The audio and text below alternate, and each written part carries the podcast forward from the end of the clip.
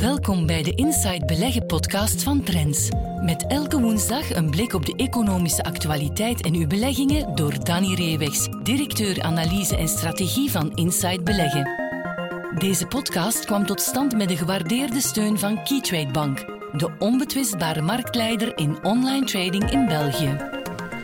Welkom bij de podcast van Inside Beleggen. Voor we aan de podcast beginnen, een kort verzoek. We kregen onlangs een mail binnen van een studentenbedrijfscommunicatie die op zoek is naar zoveel mogelijk beleggers om een vragenlijst in te vullen voor haar masterproef. Uh, ik heb het gisteren zelf even gedaan. Het is maar vijf minuten werk. Dus voor de luisteraars die er zich ook voor willen inspannen, ik zal in de omschrijving van deze podcast de link naar de vragenlijst plaatsen. En dan nu naar uh, de podcast zelf. Aan het einde van deze aflevering zal Geert van Herk, uh, hoofdeconoom van Keytrade Bank, nog even iets vertellen over hoe aandelen met een hoge shareholder yield het beter doen dan anderen. Maar eerst spreken we met Danny Reewegs. Dag Danny. Dag chef.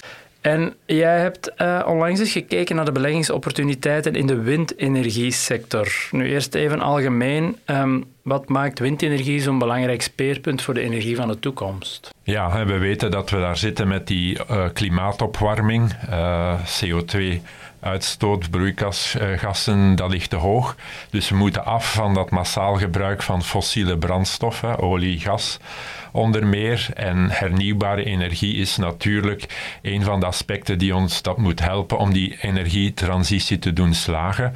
Daarin is windenergie een belangrijke pool. En dat moet natuurlijk nog zeer sterk gaan groeien uh, de komende decennia om die opwarming uh, tot 2 graden te kunnen beperken. Ja, is er dan al een idee van de groei die er nodig zou zijn om, om uh, onder die 2 graden te blijven?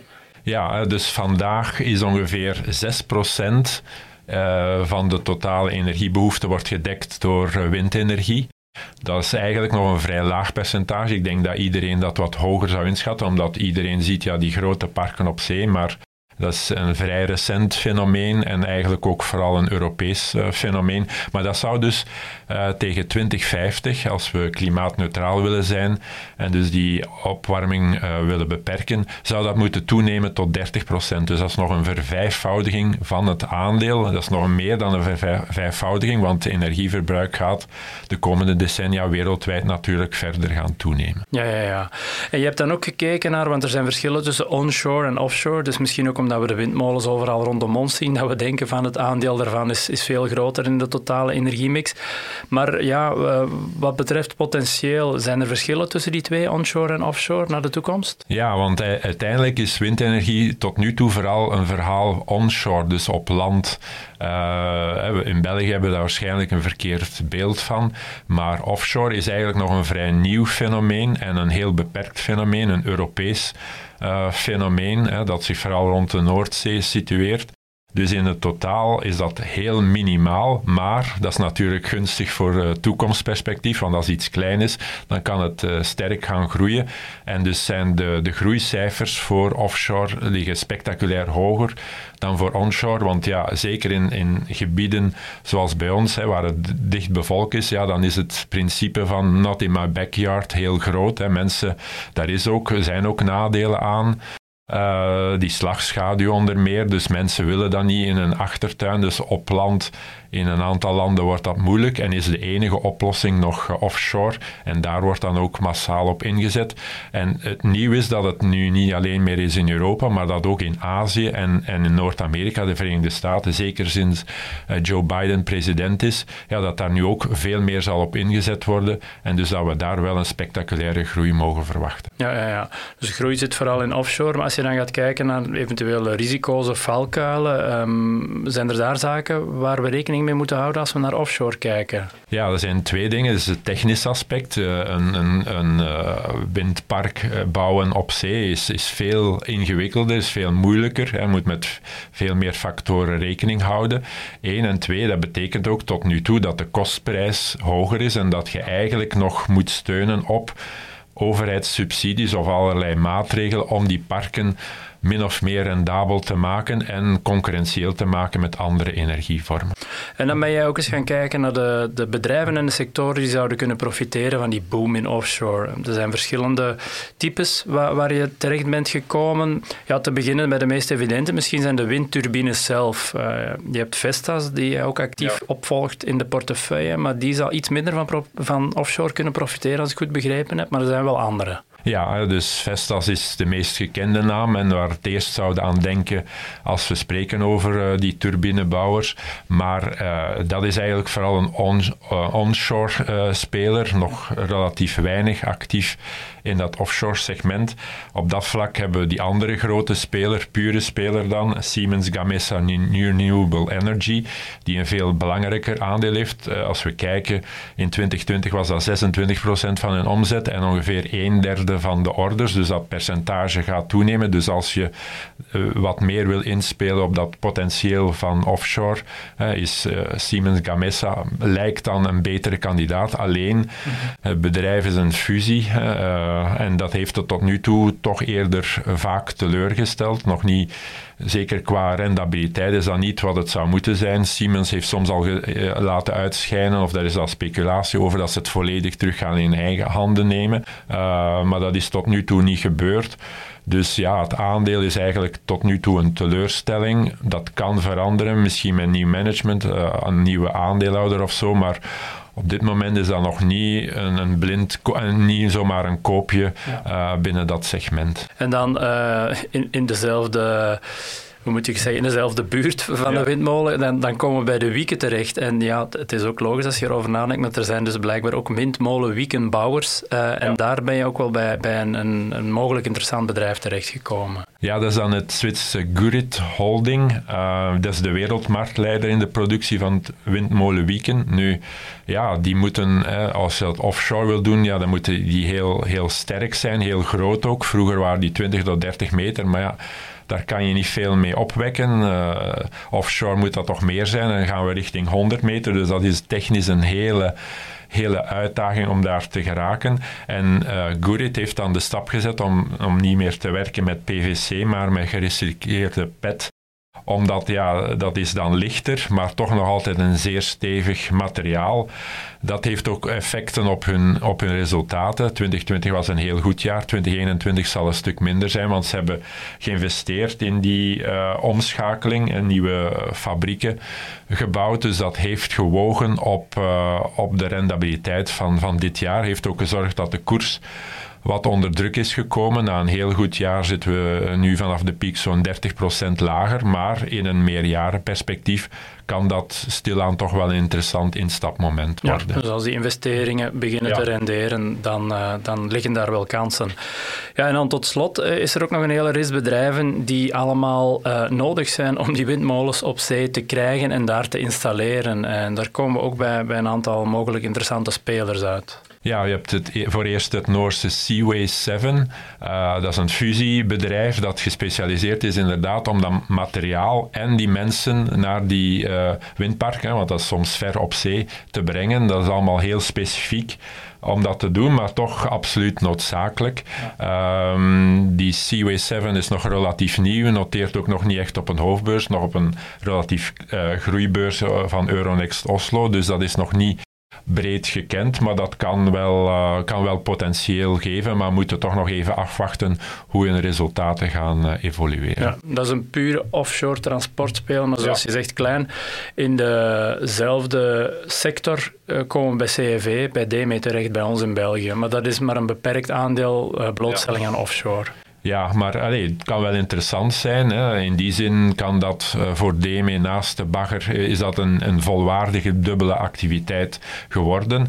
Uh, zij doen het goed al in Europa en hebben zich nu ook kandidaat gesteld voor projecten in uh, Noord-Amerika. En dat lijkt te lukken. Ze hebben eerst de tender gewonnen, zijn nog in, in de running voor andere tenders. Dus dat kan bijkomend potentieel geven. Dus uh, CFE, Akkermans van Haren, dat is dan de moederholding. Ja, dat zijn misschien interessante manieren om onrechtstreeks toch aan dat offshore groeiverhaal te kunnen uh, profiteren, daarvan te kunnen profiteren. Ja, ja, want ik onthoud inderdaad, het is vooral offshore waar het zich in de toekomst in zal afspelen en zeker een sector om in de gaten te houden.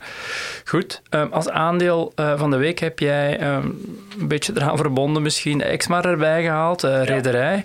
Um, het kwam al langs met, met resultaten. Wat zijn daar de belangrijkste zaken om uit te onthouden? Ja, op het eerste zicht lijken die heel goed te zijn. 0,57 dollar winst per aandeel. Hè.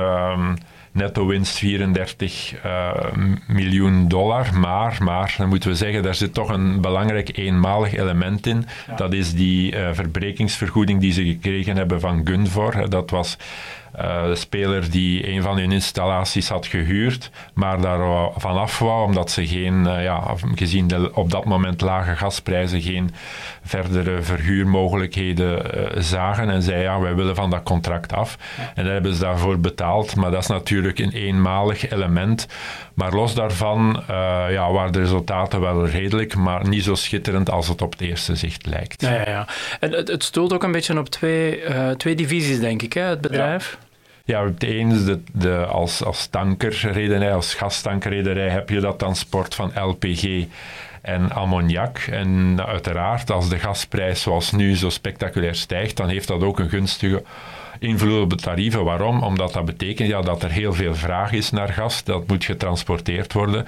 En de capaciteit kan niet 1, 2, 3 zomaar worden geweldig uitgebouwd. Dus dan moeten de, de tarieven voor de bestaande uh, tankers, dan moeten die omhoog. En dat is ook gebeurd. En dan zie je dus wel een gunstige evolutie. Dus sowieso die uh, afdeling, die shippingdivisie, ja, die heeft het wel goed gedaan. En de perspectieven zijn uiteraard dat ook de komende cijfers in die, die divisie goed tot zeer goed zullen zijn. En als we dan naar het uh, het koersverloop gaan kijken, ja, het heeft waarschijnlijk met de stijging van de gasprijzen recent heeft het wel een, sprongetje gemaakt, maar misschien om even de periode daarvoor onder de loep te nemen, het heeft een hele tijd ter plaatse getrappeld. Hè. Wat waren daar de voornaamste redenen voor? Ja, dus naast het feit hè, dat men een uh, gastankerrederij is, dus met uh, tankerschepen, had Exmar ook een, een, afdeling in Houston in Amerika ja, die zich bezighield met allerlei nieuwe ontwerpen. Die waren revolutionair en, en maar dacht, ja, daar is een heel grote vraag voor. Bijvoorbeeld voor hervergassingsinstallaties, hè, waarbij je kan, uh, kan wisselen uh, van, van gasvorm, uh, dat vloeibaar maken of niet. maar dat is tot nu toe heel hard tegengevallen. Hè. Men heeft twee zeer grote installaties, zeker voor Exmar, waar dat zeer grote investeringen, de FLNG Tango en de FSRU S188 gebouwd. Men had daar huurders voor, hè, het Argentijnse oliebedrijf IPF en dus die Noorse grondstoffenhandelaar Gunvor. Die hadden een contract eerst, maar die hebben dat allemaal uh, opgezegd. En dus op dit moment zijn die twee installaties die zeer duur waren, ja, die, die liggen daar maar. En dat is het probleem, want uh, dat had de, de schuldpositie van Exmar toch danig op, opgekrikt. Dus dat was echt wel een, een probleem. Maar de hoop en verwachting is nu, met die gestegen gasprijs, hè, dat er opnieuw kansen zijn dat die twee installaties, dat daar toch een verhuurder wordt voor gevonden. En dat is natuurlijk essentieel voor de toekomst om echt winstgevend, rendabel bedrijf te zijn die gemakkelijk zijn schulden kan aflossen, zou het goed zijn dat er een lange termijn huurcontract komt voor die beide installaties. Ja, maar dat moet zich nog realiseren dan. Ja, dat is nu de speculatie. De koers is eh, op een maand tijd ongeveer 30% opgelopen. Voor een stuk is dat terecht door de stegen gasprijs, maar voor een stuk zit daar ook speculatie in dat er nu terug uh, huurders kunnen gevonden worden. Dat is natuurlijk nog niet het geval en het zal zich maar realiseren als het contract er is. Dus in die zin komt dat er. Wanneer komt dat er? Uh, dat, weet, dat weet niemand. Misschien zelfs bij Exmar niet op dit moment. Maar ja, voor een stuk is dat speculatie, want als die koers verder wil oplopen, ja, dan moet je toch wel zo'n contract kunnen afsluiten. En dat is vandaag nog niet het geval. Ja, zitten we daarmee bij de kern van het, het, type aandeel dat het is voor beleggers die het uh, zouden willen bekijken? Is het een speculatief aandeel vooral? Ja, het is toch meer voor uh, wat risicobewuste beleggers. Want als, uh, als dat toch niet komt, als die contracten toch niet kunnen afgesloten worden, ja, dan gaat op een gegeven moment, denk ik, die koers toch kunnen terugvallen. Natuurlijk, als dat bij wijze van spreken op korte termijn wel tenminste al één kan gerealiseerd worden, ja, dan gaat die koers wel degelijk verder oplopen, want dan uh, zijn de zorgen toch wel grotendeels uh, terug, terug weg. Dus ja, het is voor een actievere, risicobewuste belegger, want ja, uh, zolang er geen zekerheid is, zitten we toch nog niet volledig in, in rustig vaarwater blijft om in de gaten te houden. Maar voor nu ben jij heel hard bedankt voor jouw tijd en inzichten daarover en graag tot volgende week. Graag gedaan en tot volgende week. We luisteren nu naar Geert van Herk, Chief Economist van Keytrade Bank, met zijn analyse op een aspect van de economische actualiteit. Hallo iedereen en welkom bij onze wekelijkse bijdrage. Vandaag staan we even stil bij het begrip shareholder yield. Shareholder yield is een uitgebreidere vorm van dividendbeleggen. Dividendbeleggen is heel populair hè, onder de Belgische beleggers. Belgische beleggers hebben een grote voorkeur voor bedrijven die elk jaar een mooi dividend uitkeren. Ook het beleggen in fondsen die in aandelen van ja, wat men noemt dividend aristocrats eh, beleggen, eh, zijn ook heel populair. Dat zijn aandelen ja, die gedurende jaren hogere dividenden uitkeren en eigenlijk hun dividend nooit overslagen. Het wordt gezien als een teken van sterkte uh, van het onderliggende aandeel. Dus dividendbeleggen is heel populair onder Belgische beleggers. Maar wat we wel zien, is zeker in de anglo-saxische wereld, dat dividend minder en minder belangrijk wordt. Een andere vorm van geld teruggeven aan de aandeelhouders kan ook gebeuren onder de vorm van de inkoop van eigen aandelen. En zeker in, ja, in Amerika en in het Verenigd Koninkrijk zijn buybacks heel belangrijk geworden. Het is zelfs mogelijk dat je een aandeel vindt met een heel laag dividendrendement, maar dat bijvoorbeeld wel heel veel geld teruggeeft aan zijn aandeelhouders onder de vorm van een groot aandeleninkoopprogramma. Want, herinner u, als het, het aantal uitstaande aandelen stelselmatig vermindert, ja, dan verhoogt natuurlijk ook de winst per aandeel. En dat kan natuurlijk ook een boost zijn voor de aandelenkoers van het, uh, van het bedrijf. Dus shareholder yield is een uitbreiding van dividendbeleggen, omdat we ook rekening gaan houden met wat men noemt de net buyback yield. Het is dus niks anders dan de, de jaarlijkse inkoop van eigen aandelen min eventueel ja, nieuw uitgegeven aandelen. En we zetten dat eigenlijk af ten opzichte van de market cap, de marktkapitalisatie van, uh, van het bedrijf. Dus dat is een eerste puzzelstuk, de net buyback yield. We hebben al het dividendrendement en daar komt nog een derde factor bij. Want een beursgenoteerd bedrijf heeft niet enkel ja, kapitaal ontvangen van de aandeelhouders onder de vorm van het eigen vermogen. Nee, je hebt ook schuldeisers die geld aan het bedrijf geven onder de vorm van obligatieleningen. Banken, obligatiehouders, verschaffen vreemd vermogen aan, aan de onderneming. En natuurlijk ook bedrijven kunnen er elk jaar voor kiezen om hun uitstaande schulden te gaan verminderen. Dat is ook een vorm van geld terug te geven, maar dan wel aan de bezitters van het vreemd vermogen, zeg maar ja, de kredietverleners, vaak de banken, en de obligatiehouders. Dus zo hebben we eigenlijk de drie bouwstenen van shareholder yield. En als we die opdelen, komen we aan een shareholder yield. En natuurlijk, hoe hoger, hoe beter. Dus shareholder yield, eerste puzzelstuk, eerste bouwsteen, het dividendrendement. Tweede bouwsteen, de net buyback yield. Dus het, het aantal nieuw uh, uitgegeven aandelen ten opzichte van uh, de ingekochte aandelen. En dan de derde, de net pay-down ratio. Wat men eigenlijk bedoelt is, ja, bedrijven gaan schuld terugbetalen, gaan misschien ook een stukje geld opnemen, dus we maken een, een netto bedrag van nieuw kapitaal, nieuw vreemd vermogen en vreemd vermogen dat terugbetaald wordt aan, de, aan, de, aan de verschaffers van vreemd vermogen. En uh, dat zijn de drie bouwstenen. Dividendrendement, de buyback yield en de net debt paydown ratio. En zoals gezegd, hoe hoger de shareholder yield, hoe beter. Het is ook bewezen uit academische studies dat als je elk jaar uh, een 20, 25 tal aandelen selecteert met de hoogste shareholder yield en je houdt die uh, een jaar bij en je, je, herhaalt die oefening elk jaar, en dan zie je ook dat je de markt op lange termijn kan kloppen. Zeker als je de shareholder yield ook nog eens gaat combineren met aantrekkelijke waarderingsratio, dus een aandeel met een hoge shareholder yield, maar dat bijvoorbeeld ook nog eens een goedkopere waardering heeft dan, ehm, dan het marktgemiddelde of het sectorgemiddelde. En ook eventueel een beursgenoteerd bedrijf met een sterke balans, met andere woorden, lage schulden.